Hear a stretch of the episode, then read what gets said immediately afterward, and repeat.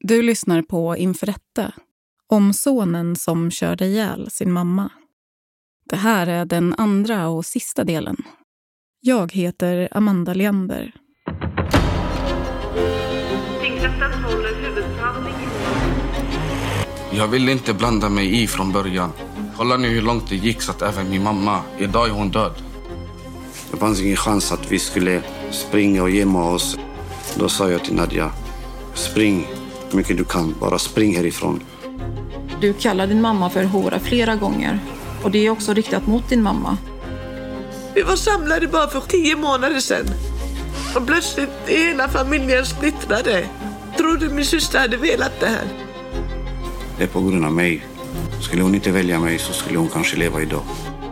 Nu måste du vara tyst. Sitt inte och kommentera. Är du Det är min dotter som har avlidit. Det vet jag att det är, men det spelar Förstår ingen inte vad roll. de pratar, de är planerande.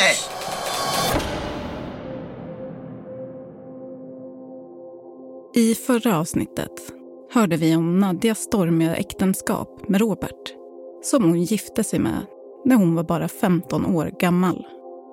Om hennes påstådda affär med Roberts bästa vän och om den romska rättegång som sen genomfördes för att straffa dem båda för äktenskapsbrott. Och om hur allt tar en helt ny vändning när det plötsligt uppdagas att Nadja har inlett ytterligare en ny relation med Lollo. En man som fanns i Nadjas liv redan när de var tonåringar innan hon gifte sig med Robert. Jag sa ju till henne flera gånger, Vi hör Lollo i rätten. så länge min familj, min släkt, mina kompisar ser oss, det är lugnt, sa jag. Men den kommer den dagen att dina folk ser oss, då är det kört. Hon bara, ja, jag vet det. I omgivningens ögon så tillhör hon fortfarande Robert och måste betala ett högt pris för att kunna bli fri. Det dröjer inte länge innan hotbilden mot Nadja och Lollo är så pass allvarlig att de tvingas leva ett liv på flykt. Vad var det för hot? Döda, slakta, slå sönder, begrava, hoppa i vattnet, ta självmord.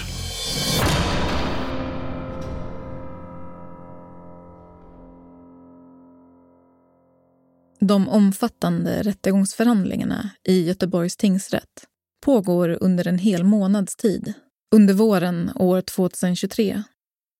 I den kala säkerhetssalen utan fönster sitter åhörarna och lyssnar spänt bakom ett skyddsglas. De flesta är anhöriga till någon av de totalt sex åtalade personerna. Stämningen inne i rättssalen blir ofta upprörd. Vid flera tillfällen blir åhörare ombedda att lämna salen när känslorna tar över. I förhörstolen sitter 22-åriga Garcia. En ung kille med kort brunt hår och en dödskalle tatuerad på armen. Garcia står åtalad bland annat för att ha mördat sin egen mamma, Nadja, och för mordförsöket på hennes pojkvän, Lollo. Han står dessutom åtalad för olaga hot mot de båda. Det gäller ett Facebookinlägg som han skrev efter att Lollos pappa hotat med att sprida en sexfilm på Garcia och hans fru. Vilket sen också sker. Något som får Garcia att tappa fattningen fullständigt. Att den nu börjar spridas igen gör att Garcia riskerar att bli utesluten ur den romska gemenskapen. Vi hör åklagare Hede Kurt och Garcia i rätten. Du skriver eh, du fick en varning för att ni blandade in mig i era hårerier. Våga lägga ut videon igen så ser ni vad som händer. Du Nadja, jag kommer att klippa dig och din nya man där jag ser er, inte för att du tagit en ny man. Jag utlade ett hot mot hennes man. För att hon skulle förstå allvaret med den filmen om de blandar in mig en gång till. Jag kommer få tag på hennes nya man. Och, och vad ska du göra med honom?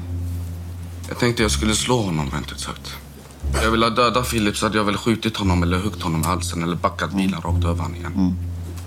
Du har även skrivit Nadjas namn där och då undrar jag varför du hotar henne också. Jag hotar inte min mamma. Nej, du tar det inte så. Jag tar inte det på det sättet. Jag hotar hennes man.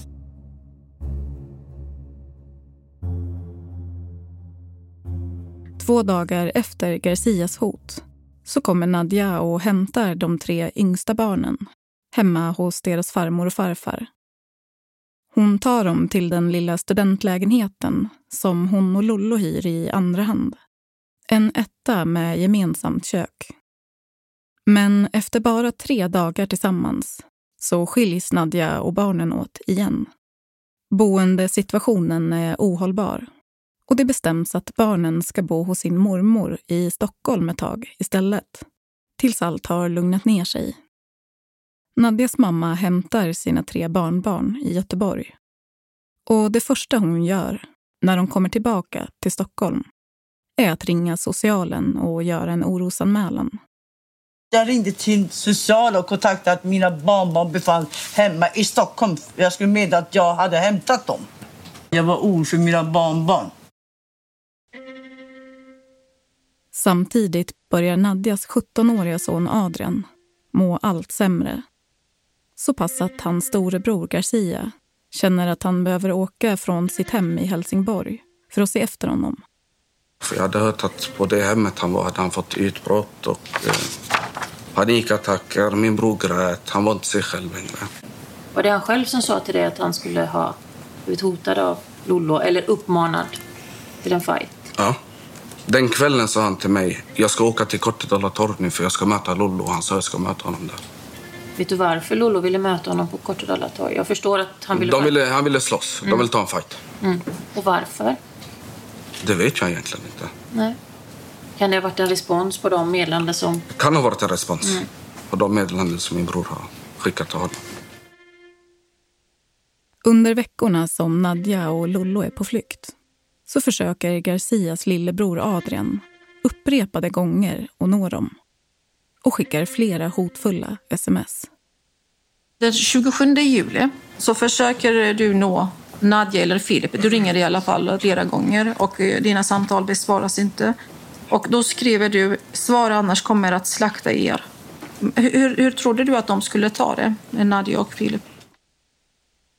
Adrian svarar åklagaren att han vet att hans mamma inte skulle ta det på allvar och att det är helt normalt för honom att uttrycka sig så här.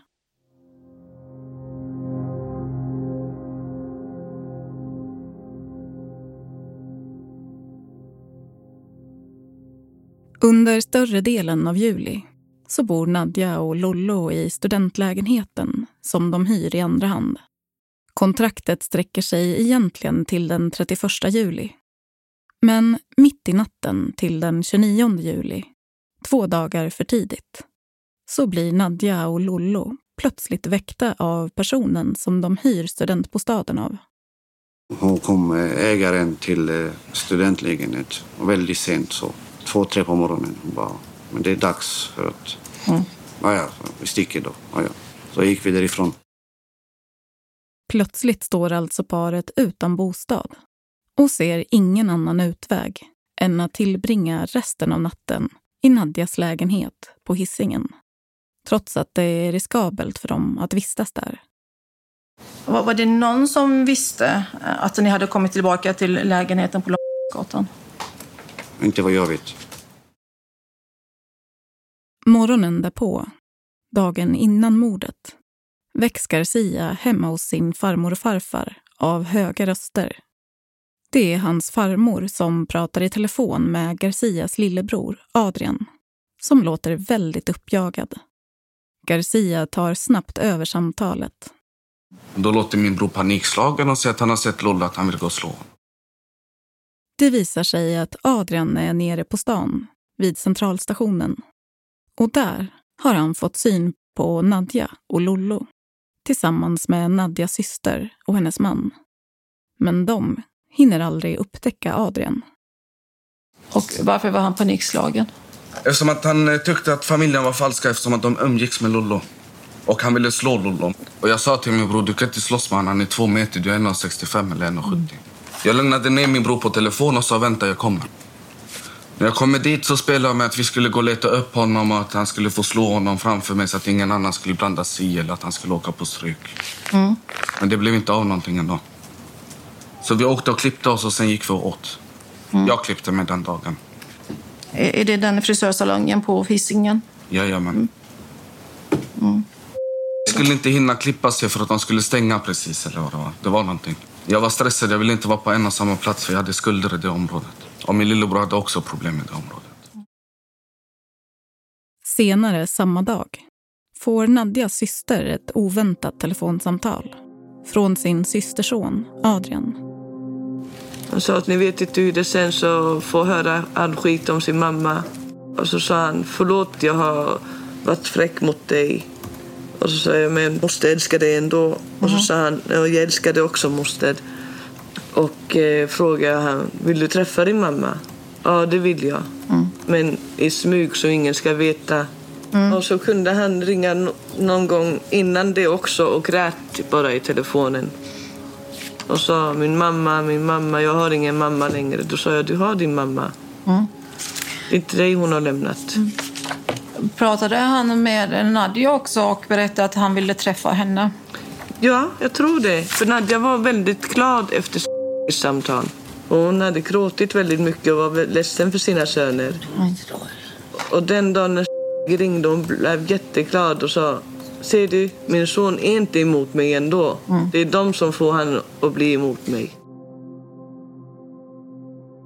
Men det här glädjande samtalet ska komma att bli det sista Nadja har med sin son Adrian. Knappt ett dygn senare kommer han att sitta bredvid sin bror i bilen när både Nadja och Lollo blir påkörda.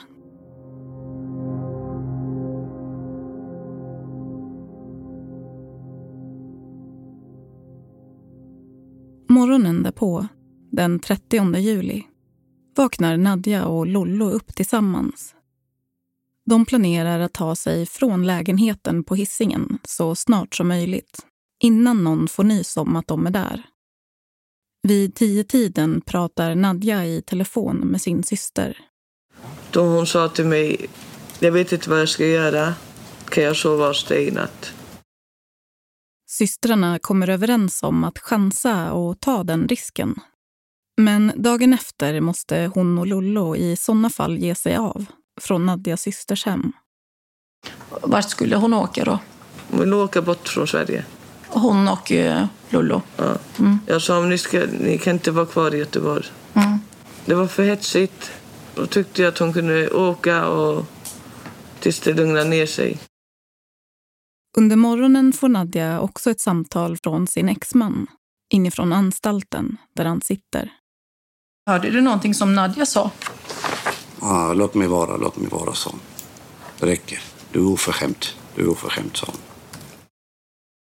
Åklagaren läser sen upp vad Lollo har berättat i polisförhör att Nadjas exman sa under telefonsamtalet. Det är bättre att du tar livet av dig. Ta självmord, din hora, bland annat. Är det någonting som du minns? Sa jag det så måste det vara sånt, ja. Senare under förmiddagen vaknar Nadjas två äldsta söner hemma hos sina farföräldrar. Jag vaknade sent så att jag gick och duschade tror jag. Och min lillebror hade tjatat med att han också ville gå och klippa sig. Och jag sa till honom, okej vi åker dit då. Hade du kontakt med Nadja den eh, förmiddagen? Inte den då. Nej. Så ni åker till Hisingen på eftermiddagen? Jajamän. Farfarns försvarsadvokat, David Bardavid, frågar Garcia vad deras farfar tyckte om att de åkte till Hisingen. Han ville inte att vi skulle åka dit. Varför det? För att eh, min lillebror har blivit misshandlad i Hisingen. Jag har stora knarkskulder i Hisingen. För vi ska undvika de områdena. Ja. Kan din farfar styra dig? Nej. Den enda som kunde styra mig var min mamma. Det var hon som kunde styra mig. Min pappa kunde inte styra mig, min farfar kunde inte styra mig. Ingen. Men det blir aldrig någon klippning på hissingen för Adrians del.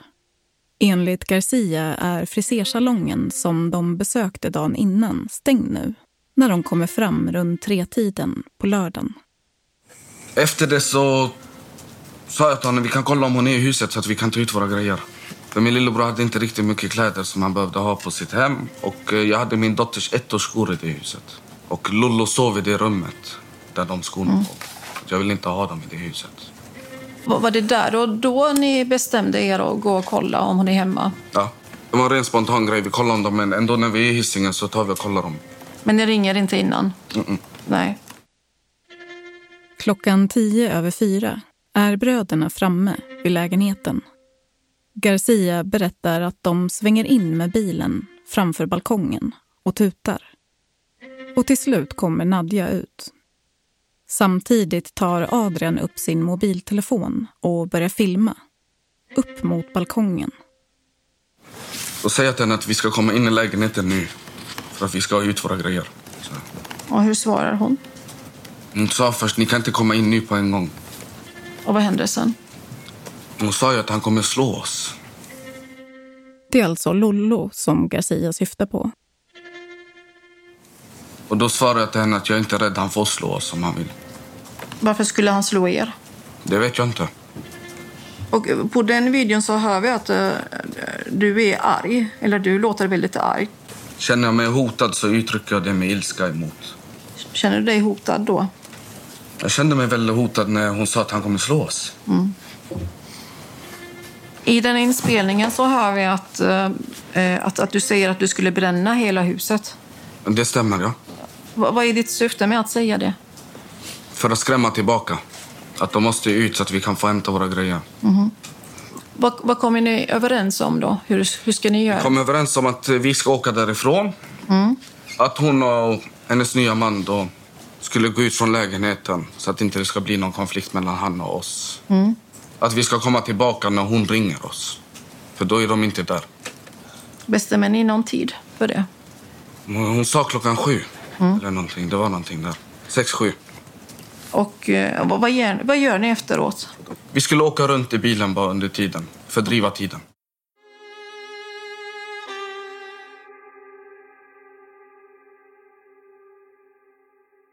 Det oväntade och hotfulla besöket av sönerna har skrämt upp Nadja och Lollo rejält.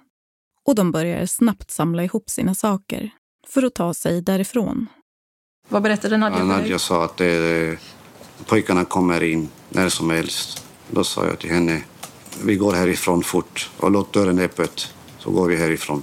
Och eh, ja, det gjorde vi det. Hon, hon sa ju till mig bara precis två minuter innan vi skulle lämna lägenhet så sa hon oavsett vad, allt som kommer hända, vi kommer inte lämna varandra för att hon älskar mig. Det sa hon till mig. Vad, gör ni sen? eh, Vart Vi- går ni? Vi öppnar dörren och vi går bara. Eh, Bara så, att, så långt som möjligt. Att de ska inte se oss. Vart skulle ni? Jag har ingen aning. Vi bara... Vi går bort härifrån fort. Vad Adrian och Garcia faktiskt gör i den här tidsluckan från att de kör bort från lägenheten och tills dess att påkörningen sker är bara klarlagt till viss del.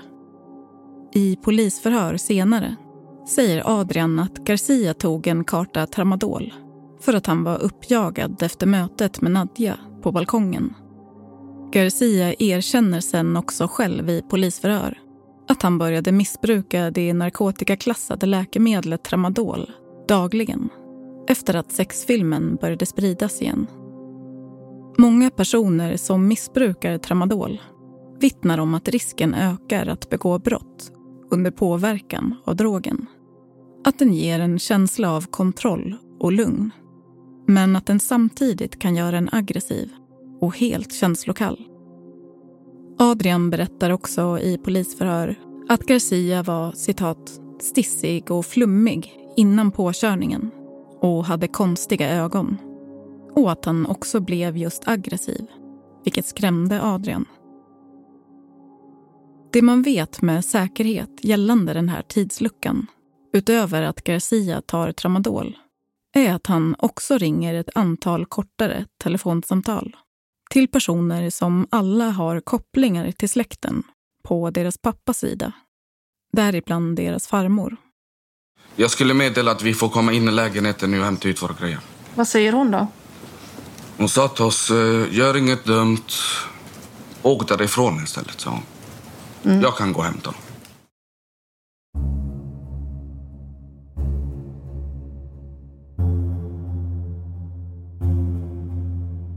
Medan Garcia berättar detaljerat om de här allra sista minuterna innan Nadja mister livet så blir stämningen inne i rättssalen allt mer upprörd.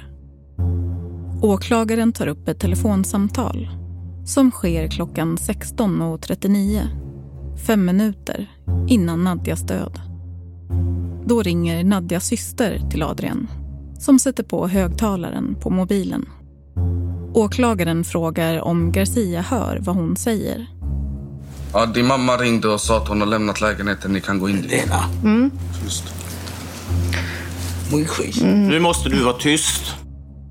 Plötsligt så avbryter ordföranden och vänder sig direkt till Nadjas mamma som sitter bland åhörarna.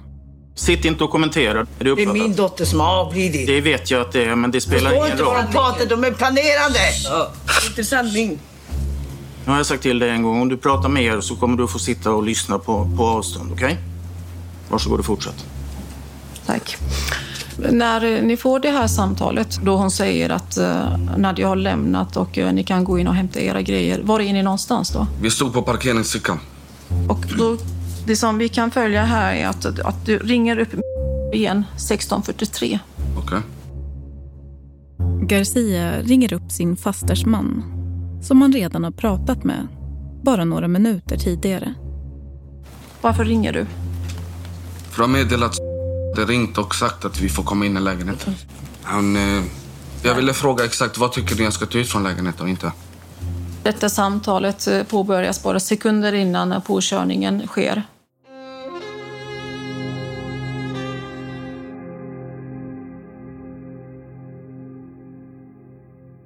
Den här soliga och varma högsommardagen så är det fullt med liv på Göteborgs gator. Och så även på Hisingen. För tredje kvällen i rad så ska metalbandet Rammstein spela för ett fullsatt Ullevi. Och på en balkong mitt emot Nadjas hus så har några grannar förfest. Vi hade folk hemma. Eh, vi skulle på konsert. Det var jättefint väder. Grannen som har festen vittnar i rätten. Vi har bytt ut hennes röst. Vi sitter alla och pratar. Jag sitter och tittar snett åt busshållplatsen. Men jag reagerar på att det kommer en bil i hög fart och att den dessutom kör på fel sida av vägen. Bilen, som nyss kört i hög fart mot mötande trafik, svänger plötsligt upp på trottoaren. Bakom ratten sitter Garcia och bredvid honom hans lillebror Adrian. Ni är på parkeringen och ni är på väg att När vi köra... kör ut från parkeringen så svänger jag vänster. Mm. Så att när jag ska svänga ut så ser jag Lollo. Då tänkte jag på att jag ska skrämma honom. Han ska få stryk av mig. För att han la ut den filmen. Den film som Garcia syftar på är alltså sexfilmen på honom som han menar att Lollo och hans pappa ska ha spridit. Jag vänder bilen, kör mötandes. Och kör upp mot eh, busshållplatsen för att inte skrämma till honom så att han inte ska springa.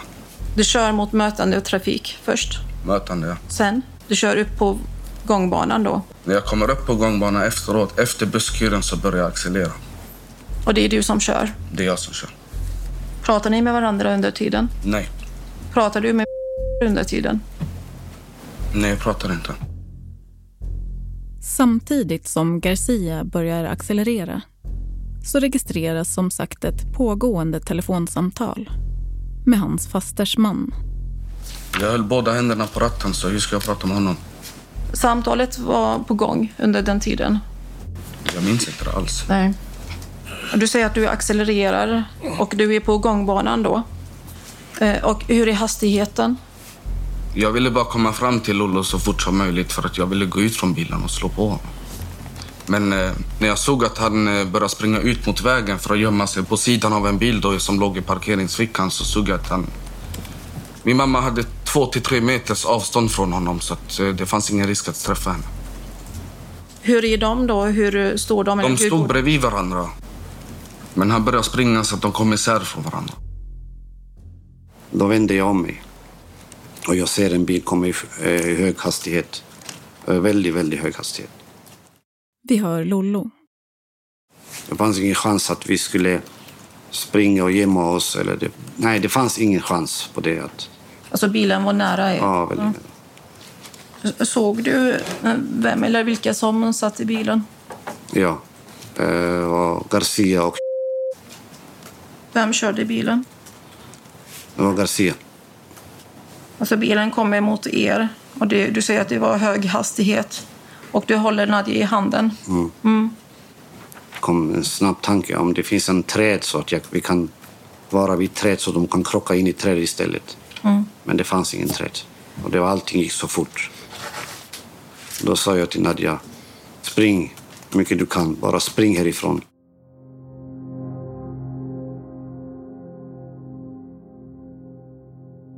Det är ett stort antal personer som blir vittnen till det som utspelar sig nu.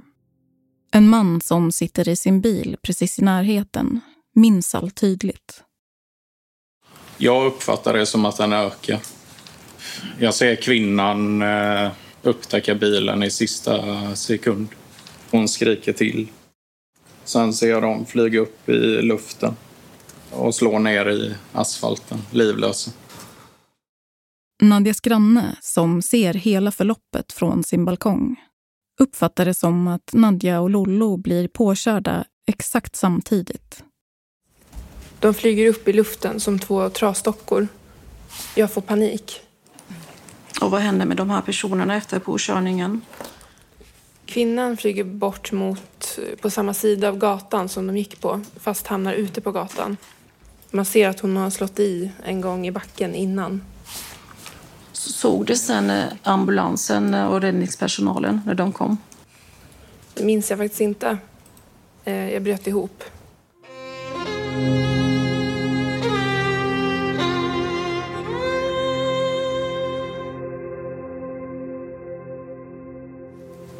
Då jag vaknade så jag har market. Såg du var Nadja, var- Nadja var någonstans? Nej. Jag ropade hennes namn tre gånger.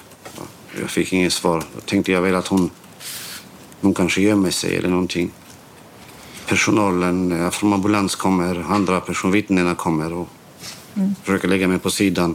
De säger till mig andas in och andas ut. Ja, men jag försöker också röra ögonen så att jag kan se henne någonstans. Men Lollo ser inte Nadja. Flera vittnen på plats beskriver hur hon och Lollo träffades av bilen samtidigt och flög flera meter upp i luften. Nadja hittas sen ungefär 40 meter bort från platsen där de blev påkörda. Det här är Garcias version av vad som hände från det ögonblicket som han menar att han bestämde sig för att ta sikte mot Lollo. När hon ser att han börjar springa, att jag svänger ut bilen för att jag ska mot honom, så börjar min mamma röra sig mot eh, bilen med händerna upp i luften. Vad gör du då? Jag hann inte reagera för min mamma hade precis träffats av bilen. Ja, Vad hände sen? Min mamma följde med bilen, flög över den. Hon följde med bilen. Okej. Slog i huvudet av balken. Varför jag kommer ihåg det så detaljerat är för att jag ser det varje dag Mm. framför mig. Att höra Garcia berätta inför rätten om mordet på sin egen mamma blir till slut för plågsamt för Nadjas anhöriga. Flera av dem reser sig upp och lämnar salen. Jag går också ut. Jag går ut. Ja, nu, nu är du tyst.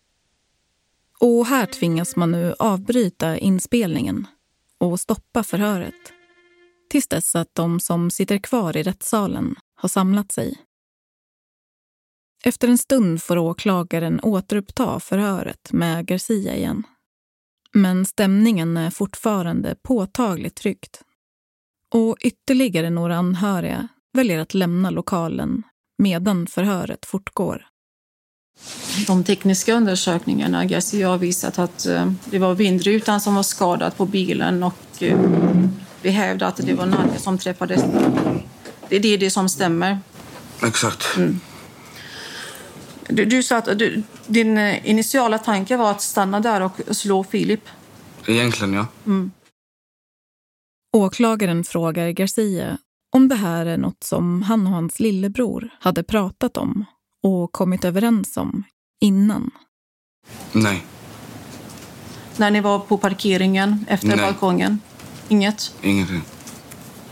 N- när vi gått igenom den eh, tekniska undersökningen så har vi hävdat att det inte finns bromsspår. Har du försökt att bromsa någonting? Jag hann inte reagera för att bromsa. Åklagaren frågar Garcia om Adrian gjorde något för att hindra honom från att köra på Nadja och Lollo. Även om han skulle vilja kunna göra det så hade han inte kunnat för det fanns ingen handbroms på den bilen. Det är en fotbroms. Men gjorde han någonting? Sa han någonting? Min lillebror frös till. Han hamnade i chocktillstånd. Direkt efter påkörningen börjar Garcia köra därifrån. För att sen plötsligt stanna, tvärt. Bara en liten bit längre bort, på gatan. Det är Adrian som säger åt honom att stanna. För han sa min telefon flög ut. Hur kom det sig att hans telefon flög ut? Det vet jag inte. Mm. Nu så har jag sett att han ville filma det verkar det som. Eller jag vet inte fan vad han höll på med. Någon gång i samband med att Adrian tappar mobilen ut från bilfönstret efter påkörningen så sätts alltså en videoinspelning igång på den. Själv menar Adrian att det inte var meningen att filma. Att det var något fel på hans mobil. Den här filmen raderar han sen. Men polisens tekniker har lyckats återskapa den. Och på filmen hörs Garcia prata inne i bilen på Romani. Enligt översättningen så säger du att eh, jag körde över dem. Men du menar på att du sa, Jag körde på dem. Jag skadade dem. sa du så? Ja. Och under den tiden så har du fortfarande det här samtalet med pågående. Eh, Och du säger, eh, jag kommer till pappa nu, säg till pappa ge mig sin bilnyckel. Men det kommer inte jag ihåg någonting av dem. Nej.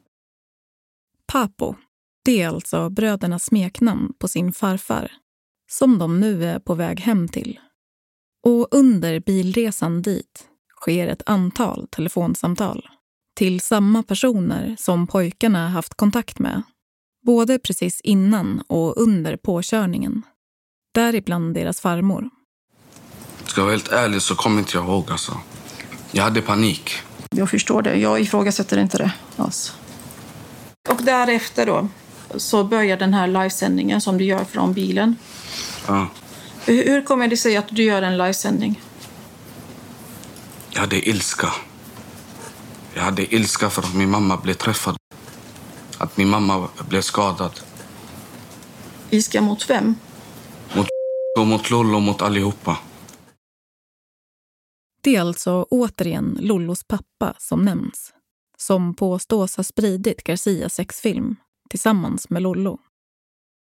Livesändningen från bilen efter påkörningen är runt fem minuter lång. Mycket som sägs är på romani, men av det som sägs på svenska så framgår det tydligt vad som just har skett. Jag körde över Lollo och Nadja nyss. Lollo och Nadja, ni kan söka upp dem på sjukhus. Vi körde rakt över Lollo och Nadja. Så gör vi. Mitt på gatan ligger din son. Din son flög över hela bilen. 20-30 meter flög din son. Gå och besök honom på sjukhuset. Förstår du din luffarjävel? Jag kommer efter dig också. Vem trodde ni att ni lekte med? Med pojkar? Vi visar vem det är. Alla som kommer i vår väg får äta upp det som Lulla och Nadja gjorde nyss. De låg livlösa på gatan efter att jag var klar med dem. Låt vem som helst testa sig med oss nu. Så ska de få se vad vi gör.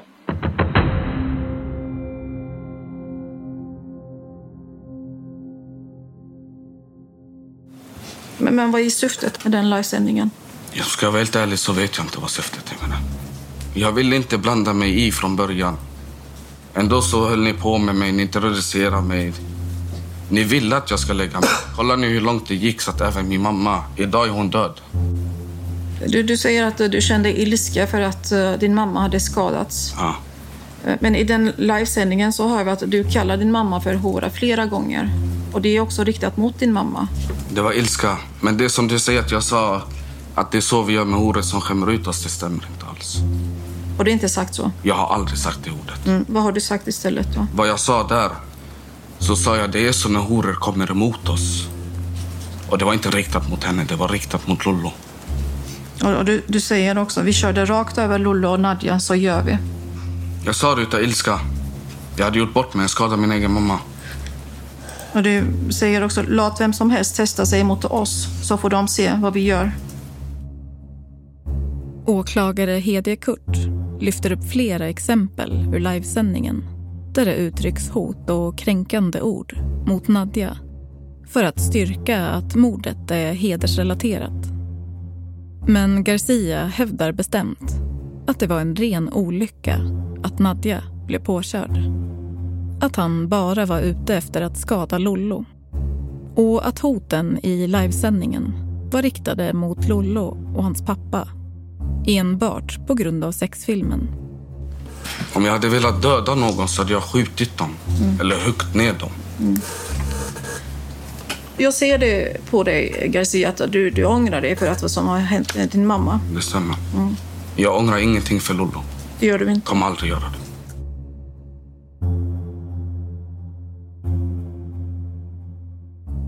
Brödernas livesändning från bilen når ut till ett stort antal personer som följer deras bilfärd via Facebook. Deras första stopp sker bara några kilometer bort, hemma hos deras farmor och farfar inne i stan. Trots livesändningen och alla telefonsamtal som sker vid tiden kring mordet så påstår barnens farföräldrar att det dröjde innan de fick veta exakt vad som hänt. De kommer ändra sin berättelse flera gånger om i polisförhören. Vilket också är en del av anledningen till att farföräldrarna nu sitter här. Åtalade för bland annat grovt skyddande av brottsling. Men pratar du med dem någon gång överhuvudtaget tills att de kommer hem sen? Nej. Vi hör barnens farfar, Allan. Alltså, jag, jag minns inte riktigt, för det var mycket samtal som gick. Och jag avvisade fullt med samtal, för jag orkade inte sitta och prata när jag hade problem med lungorna. Vi hörde att det var en problem där på Hisingen. Det var körningar och grejer. Det var ju mina barn som berättade till mig och på telefonen. Och de ringde ett kör och sa pappa det har hänt en olycka, det har hänt problem där. I den här stora härvan av telefonsamtal under timmen som följer efter mordet så är det ett som sticker ut. Ett samtal som sker via Adrians mobil med Nadjas syster. Hon var den sista som hade kontakt med Nadja när Nadja och Lollo just hade lämnat lägenheten. Vi skulle träffas klockan halv sex i centralstationen. Jag sa, men jag tar på mig skorna och rör mig också. Men sen fick jag inga mer svar efter det. Jag försökte ringa henne ett antal gånger, men fick inte tag. Då förstod jag att det var någonting. Det dröjer inte länge innan Nadjas syster hör talas om sönernas livesändning. Hon ringer direkt till Adrians mobil och försöker få ur honom vad som har hänt. Jag fick inga svar. Du fick det var inga med svar? chock. Grät han? Och han grät och skrek i bakgrunden. Nadjas syster får frågan om hur hon kände när hon började förstå att Nadja och Lollo faktiskt hade blivit påkörda. Jag blev chockad, jag blev arg. Jag får höra den här live-videon. Jag ringer till pojkarna. Garcia svarar helt chockad. Han vet inte själv vad han säger.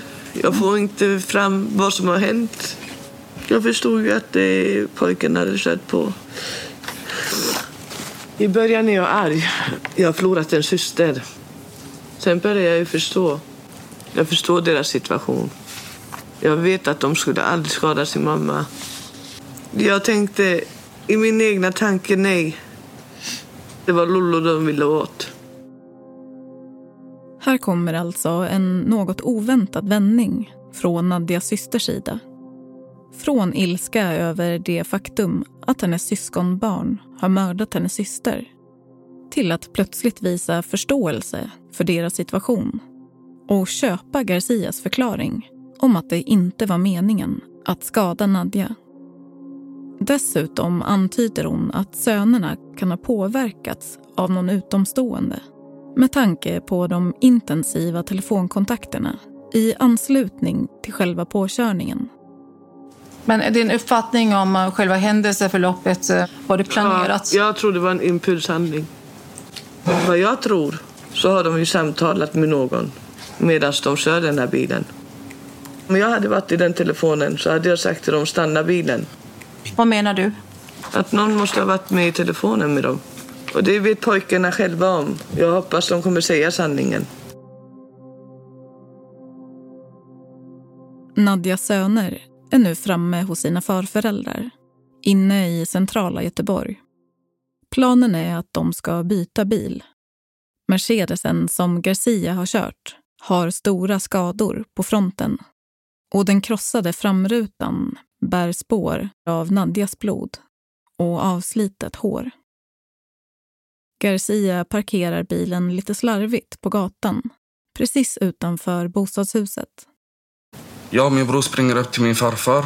Eh, Min farmor sa att hon tyckte att jag var nerknarkad. Jag var inte så nerknarkad. Jag, jag vet inte om jag var chockad eller om jag var arg eller vad jag var den sekunden. Visst hade du tagit um, tramadol innan? Stämmer. Mm. Och när ni kommer hem, visste de vad som hade hänt? Jag vet faktiskt inte om jag ska vara helt ärlig. Säkert efter eh, livesändningen som hade gått. Och eh, vad, gör ni där i lägenheten? Vi tar våra tillhörigheter och eh, jag förstod ju vad som skulle hända. Vad var det som skulle hända? Att jag skulle sitta här idag. Och vad gör ni sen? Jag tog farfars bilnyckel och så stack vi. Och berättade du för dem uh, vart ni skulle åka? Jag sa bara jag ska iväg, jag ska iväg. Jag visste inte ens själv egentligen vart jag skulle. Du hade inte bestämt dig? Nej. Sönerna tar nyckeln till farföräldrarnas bil. En helt ny Chrysler som de hade köpt bara tre dagar tidigare. En tillfällighet som har väckt en del misstankar under förundersökningsarbetet. Sen beger de sig iväg, först ut på E20 mot Stockholm där deras småsyskon befinner sig hos deras mormor. Under bilfärden pratar Garcia återigen i telefon flera gånger med sin farfar. Och i samband med ett av samtalen så vänder Garcia plötsligt tvärt. Och vid Floda vänder ni? Det stämmer. Ja. Vad är det som sker där? Vad är det som uh, händer i det samtalet? Är det det som gör att ni... Och, Nej. Nej. Det var jag själv som valde att jag ville gå och träffa mina barn innan. I de telefonsamtalen med... Pratade ni någonting om att uh, han skulle flytta bilen? Med Jag bad honom flytta bilen. Mm. Vad, vad är syftet med att flytta bilen? Mitt syfte var att den skulle försvinna, den bilen, rätt ut sagt.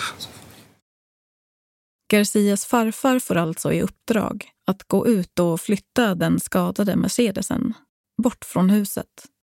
Något som har starkt ifrågasatts och också är en del av anledningen till åtalspunkten om grovt skyddande av brottsling. Allan säger i rätten att anledningen till att han flyttade bilen helt enkelt var för att den stod på en handikappsplats. Och jag tittar på bilen, den var ju sönderslagen hela bilen. Vad är det som har hänt? Visste du vad som hade hänt? Nej, inte riktigt. Absolut inte. Jag visste inte att de hade kört över sin mamma eller bråkat och haft sig. Garcia sa bara det är problem, jag måste dra från stan. Och Garcia säger flytta bilen, säger du? Ja. Men innan jag kör bilen så sitter jag ute och röker och då ser jag en kvinna som kommer förbi springande. Det var ju den här polisen som ni säger. Vid det här laget har alltså polisen fått nys om att sönernas bil har setts till i området. Och deras farfar ser hur en polis springer omkring i kvarteret och förstår då att hon letar efter den. Och eh, efter hon sprang mellan husen så flyttade jag bilen. Parkerade den på en vanlig parkering. Visste du var han skulle någonstans? Han skulle mot eh, Skåne. Ska åka till mina barn, sa han. Polisen är nu på jakt efter Garcia och Adrian som sitter i deras farföräldrars Chrysler på väg ner till Helsingborg. Och ganska snart skickas också en polispatrull hem till farföräldrarna som man har förstått att sönerna har bott hos. Deras farfar Allan har då just flyttat den skadade Mercedesen och ställt den några gator bort. Till en början utger sig farföräldrarna vara helt ovetandes kring vad som har hänt och ifrågasätter varför polisen är där. Vi pratade bra och var väldigt hjälpsamma med dem, pratade om situationer. Så jag får ganska gott intryck av dem till en början skulle jag säga. Vi hör en av poliserna i rätten. Men sen så kommer det lite små, små hintar om att det här står inte helt rätt till tror jag. Och då är det bland annat då farmor som säger att det här nya äktenskapet då är ett horäktenskap. Och det fick väl mig till att åt, öronen åt mig lite och undra vad är det egentligen som händer. Jag känner ju missnöje och att det, det, var, det var inte rätt så som hon hade gjort utan eh, pappan förtjänar barnen. Jag vet att han tystnade farmor vid något tillfälle när hon kanske ville säga mer. Att det här nya äktenskapet inte var bra eller att hon då hade gjort fel. Det, det tror jag han helst ville att hon skulle vara tyst och inte nämna då. Men eh, in, inte att jag upplevde att de var arga på varandra eller liknande. Samtidigt som polisen befinner sig hemma hos farföräldrarna så har sönerna kommit fram till Helsingborg, till Garcias exfru och deras två barn, som man då inte har sett på nio månader. Vid det laget har hon ingen aning om vad som just har hänt och att Garcia och Adrian är på flykt. Hon beskriver det som att de var citat, helt borta och att hon fick rysningar när hon såg dem. Att de var kritvita i ansiktet och betedde sig märkligt. Garcia kramar om sina barn, men sen vill exfrun att de ska gå därifrån. Och precis därefter så ser hon flera polisbilar komma åkande i hög fart. Vad var tanken? Vart skulle du sen? Jag tror jag skulle uppge mig själv. Jag hann inte göra det för polisen. Jag hann bara vinka av min son och sen kom polisen storma oss. Ja, du, du säger själv nu att du tänkte uppge dig själv, men i de första förhören, tre förhören under en månads tid ungefär, så har du hävdat att det var som körde. Det stämmer. Varför gjorde du det? Rent ut sagt att han skulle få mindre straff. Han kan inte bli dömd till fängelse. Under den första tiden av utredningsarbetet så hävdar alltså Garcia att det var hans lillebror som satt bakom ratten. Att det var han som körde på Nadja och Lollo. Men efter en lång tids isolering under fulla restriktioner så står inte Garcia ut längre. Han väljer till slut att öppna upp sig för en kriminalvårdare under en transport till häktningsförhandlingarna. Och den här kriminalvårdaren sitter nu på plats i rättssalen. Han berättade att han äh, sitter inne för att ha dödat sin egen mamma och det var jättejobbigt för honom. Och så försökte han förklara liksom, vad som hade hänt den aktuella dagen det som hände. De satt i en bil och kommer inte ihåg riktigt exakt vad han sa, men att jag var tvungen att kontrollera min lillebror. Han är dum i huvudet när han blir arg. Typ. Mm. Han var ju väldigt, väldigt, väldigt ledsen, kommer jag ihåg. Det var att du ville köra på din mammas pojkvän och istället träffa ner mamma. Prata inte till honom utan pratar till rätten. Ja, ah, förlåt. När du hörs kompletterande kring detta, då säger du också att det är hedersrelaterat. Ja, precis. Han sa ju det. Hedersrelaterade grejen, sa han då. Under rättegången så har frågan gällande hedersmotiv varit en viktig del i åklagarsidans yrkanden. Vilket också har lett till stora debatter i media och också skapat oro hos många romer. Vi hör Rickard Jansson, programledare för Radio Romano i Sveriges Radio. Alla de romer som jag har pratat med, både liksom i jobbet och privat är både chockade och samtidigt nu så växer ju en väldigt stor rädsla för att samhället ska börja dra liksom alla romer över en kam och att man ska liksom bli stämplade som hedersvåldsförtryckkultur. På Sergels torg i Stockholm ordnas en demonstration. In till de romska kvinnorna som talar till folksamlingen i en megafon så har man satt upp en banderoll med texten Stoppa medias propaganda mot romer. De säger att vi har en hederskultur. De säger att vi är förtryckta. En individ, en händelse, så straffas hela romska befolkningen. Vi vill behandlas lika. Bravo! Men det finns svenskar och det finns invandrare och sen kommer romerna sist.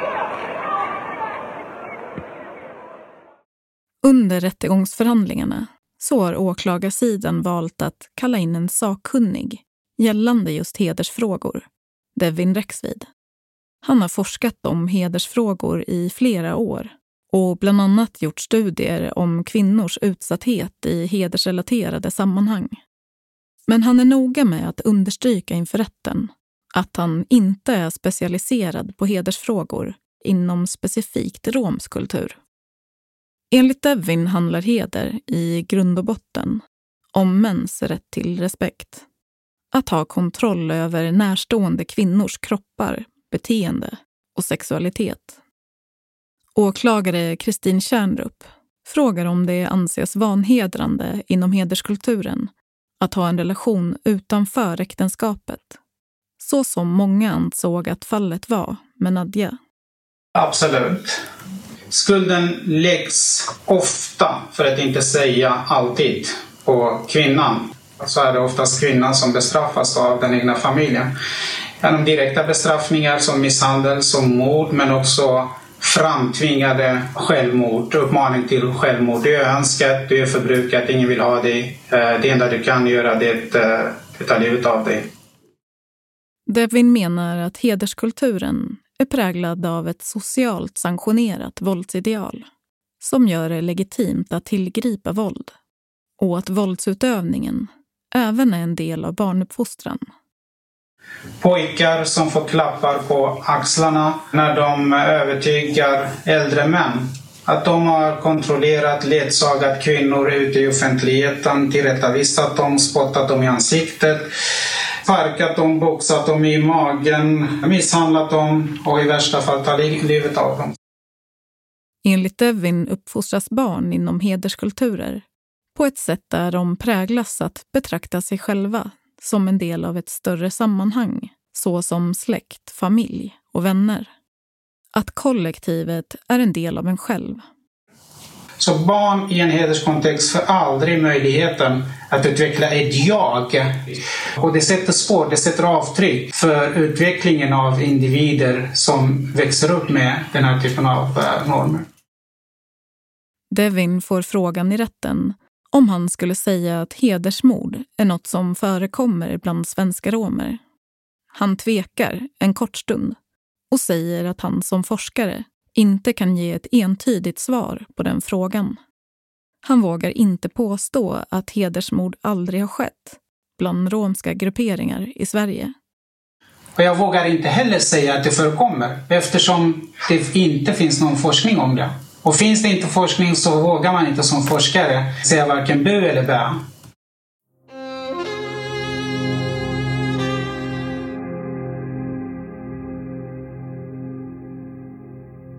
Innan åklagarna och försvaret lägger fram sina slutpläderingar så får Garcia frågan i rätten om hur det känns för honom nu, efter allt som har hänt. Det känns jobbigt. Jag har... Idag så vet jag att min mamma är död, men jag har inte trott det under de månaderna jag har suttit. Jag har inte velat förstå att hon har dött. Att jag är anledningen till att hon är död. Advokat Saffarsan, varsågod. Tack så mycket. Jag har bara någonting att tillägga innan det. Min lillebror hade ingenting med detta att göra. Det var inte planerat. Han ville inte ens skada den här mannen. Min bror var rädd från den här mannen. Det är ingen som har sagt till mig att jag ska göra någonting. Och även om någon hade sagt det så hade jag sagt det idag för det är ingen som är åtalad för det. De kan inte få fängelse för det. Jag gjorde detta på grund av den filmen. Vänd dig till oss, inte till någon annan. Därför. Bra, tack så mycket. Jag hade inte ljugit om det heller. För att skydda någon. Det hjälper inte att skydda någon. Det har gått så långt som det har gått. Tack. Nu när rättegången börjar gå mot sitt slut har det gått nio månader sedan Nadja och hennes pojkvän blev påkörda av hennes egna barn. För Lollo gör sig händelsen påmind dagligen. Kan du beskriva för oss vad du har fått för skador? Jag har metall i benet, nyckelben sönder, axel inte sönder men sprickat på något sätt. Mm. Det är Ditt boende, du hade skyddad adress i början. Är det så fortfarande? Ja, det är så. Mm. Hur har du haft det efter händelsen? Psykiskt väldigt dåligt. Mm. Jag kan göra bild framför mig ibland. Hur vi var, var vi var. Och jag kan säga till mig själv, tänk om vi skulle ta vänster, inte höger. Tänk om vi skulle inte gå ut. Tänk om jag skulle ringa polisen innan. All sådana tankar fick jag. Eller jag får det fortfarande. Jag har förlorat en, eh, en människa som jag älskade väldigt mycket. Jag trodde att jag skulle vara med henne hela mitt liv. Men eh, hon finns inte kvar. Det är på grund av mig. För hon valde mig. Skulle hon inte välja mig så skulle hon kanske leva idag. Inte kanske, men ja. Jag känner mig skyldig också. Skulle jag säga nej till henne, låt mig vara, gå härifrån, så skulle hon leva idag. Men jag gjorde inte det. Varför? För att jag blev förälskad i henne väldigt mycket. Och jag kunde inte säga nej till henne. För jag älskade henne. Men eh, är jag skyldig någonstans? Ja, det är jag. Jag tycker det. Det är inte bara Lollo som grubblar mycket kring Nadjas död. Och mordet på något sätt hade kunnat stoppas. Den dagen när jag skulle gå och handla i Barkarby, kläder, mat, allt. Då får jag höra att hon har blivit påkörd. Nadjas mamma funderar mycket över det faktum att hon hämtade Nadjas barn precis innan mordet och har svårt att släppa det sista samtalet hon hade med Nadja om hennes relation med Lollo. Jag säger inte att du ska lämna han. Men avvakta tills du får tänka igenom vilket som är bäst. Om dina barn, om dina barn går före eller Lollo. Och det här var ett samtal ni hade den dagen? Samtal samma dag när jag pratade med henne. Hade jag varit kvar, då hade ingen någon kört på henne. Men så fort jag åkte hem, då small det. Det var så jag tänkte. Är det planering det här? Jo, de sa att jag ska hämta mina barn. Alltså, varför ska jag kunna nå Nadja för att köra på henne? Jag fick aldrig min dotter tillbaka. Hon är begravd hos sin morfar. Och jag vill bara meddela det. Sen när det kommer min tid, när jag dör, Nu räcker det. då ska jag hamna själv där. Ja. Så jag är inskriven där.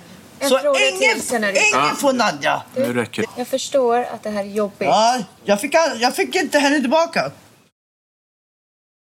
Nadjas bortgång har också drabbat hennes syster väldigt hårt. Ibland glömmer jag av att hon är död. Jag vaknar på nätterna och gråter. Jag får mardrömmar när man... Jag håller henne i handen. Tänk dig en berg och jag försöker hålla henne i handen.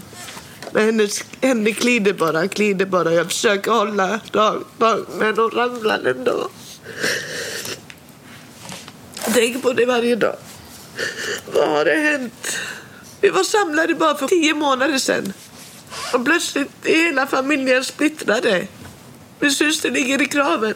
Hennes två söner sitter i häktade. Trodde min syster hade velat det här. Min syster älskade sina barn mer än allt annat. Jag vill inte. Jag vill inte. Ja. Jag måste ut.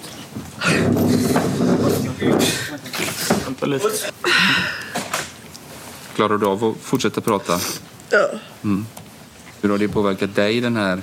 Du var kanske den som berättade att hon gick ut från lägenheten. Hade jag vetat tänkt- det så hade jag sagt var kvar i huset. Jag hade ingen aning för de här pojkarna var inte kapabla till det. Du trodde inte det? Nej, nej. Det var ju mammas söner. Då är det här förhöret slut. Två bröder stod åtalade och under fredagen dömdes den äldre brodern för mord och mordförsök. Den yngre brodern frias helt. Den 5 maj år 2023, nio månader efter Nadjas död, så faller till slut tingsrättens dom i Göteborgs tingsrätt. Sonen som körde ihjäl sin mamma döms nu till livstidsfängelse. Tingsrätten kommer fram till att det inte går att visa ett hedersmotiv. Hennes före detta svärfar döms nu för tre fall av olaga hot mot Nadjas pojkvän. Göteborgs tingsrätt dömer alltså Garcia till livstidsfängelse för mordet på sin mamma och mordförsöket mot Lollo. Adrian däremot frias helt på de åtalspunkterna. Men han döms ändå till ungdomsvård för bland annat olaga hot, vilket även Garcia har gjort sig skyldig till. När det kommer till brödernas farföräldrar så frias de båda i slutänden på åtalspunkten gällande grovt skyddande av brottsling. De frias också på åtalspunkterna gällande uppmaning till självmord och vissa av fallen gällande olaga hot. Omständigheterna och bevisningen som åklagaren presenterat var inte tillräckliga för att kunna fälla farföräldrarna på de åtalspunkterna. Däremot döms brödernas farfar på tre av åtalspunkterna gällande olaga hot mot Lollo och hans pappa och får betala skadestånd till de båda. Lollos pappa i sin tur döms för grovt förtal mot farfan och får också betala skadestånd till honom. Den stora frågan under hela rättsprocessen har varit om mordet hade ett hedersmotiv. Här anser tingsrätten att det är bevisat att det finns mönster och värderingar i den romska kulturen som också förekommer inom hederskulturer. Däremot inte att mord skulle vara ett sätt att bevara eller återupprätta heder. Tingsrätten menar att det kulturella sammanhanget i sig har inte utgjort ett motiv till mord. Rättens ordförande, Göran Lundahl. Och det går inte heller att utröna att de här två bröderna har haft ett gemensamt sådant motiv. Bara några dagar efter att tingsrättens dom har fallit så väljer Garcia att överklaga beslutet. Han yrkar på att han istället ska dömas för grovt vållande till annans död och grov misshandel. Garcia framhåller att det aldrig var hans intention att döda sin mamma. Utan det enda han ville var att skada Lollo. Och han menar att allt i grund och botten rörde sig om den läckta sexfilmen på honom och hans exfru. Kort efter Garcias överklagan så begär också åklagarsidan prövning i hovrätten. Man yrkar på att även Garcias lillebror Adrian ska dömas för mordet på Nadja och mordförsöket på hennes pojkvän. Åklagarna menar också att det inte fanns något annat motiv eller förklaring till mordet än heder.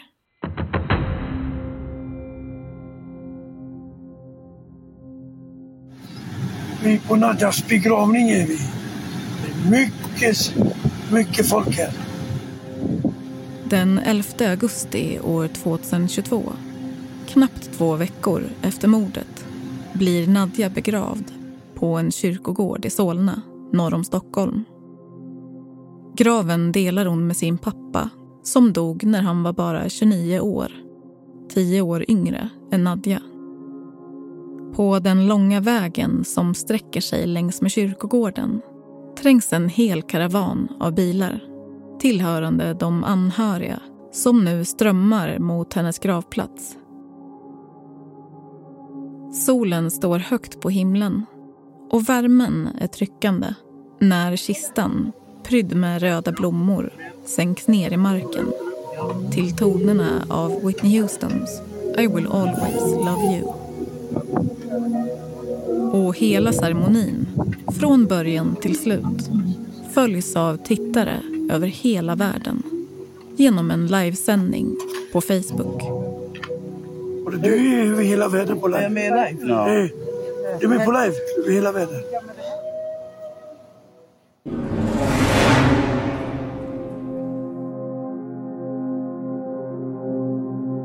Du har lyssnat på Inför rätta om sonen som körde ihjäl sin mamma. Det här var den andra och sista delen. Jag som har gjort programmet heter Amanda Leander. Redaktör är Matilda Blom. Exekutiv producent är Joni Söderström Winter. Slutmixen är gjord av Johan Kalén. Och ljudprofilen är gjord av Timmy Strandberg. Ljudklippen i programmet kommer från Aftonbladet, Sveriges Radio och SVT Nyheter. Inför rätta är en inhouse-produktion från Podme.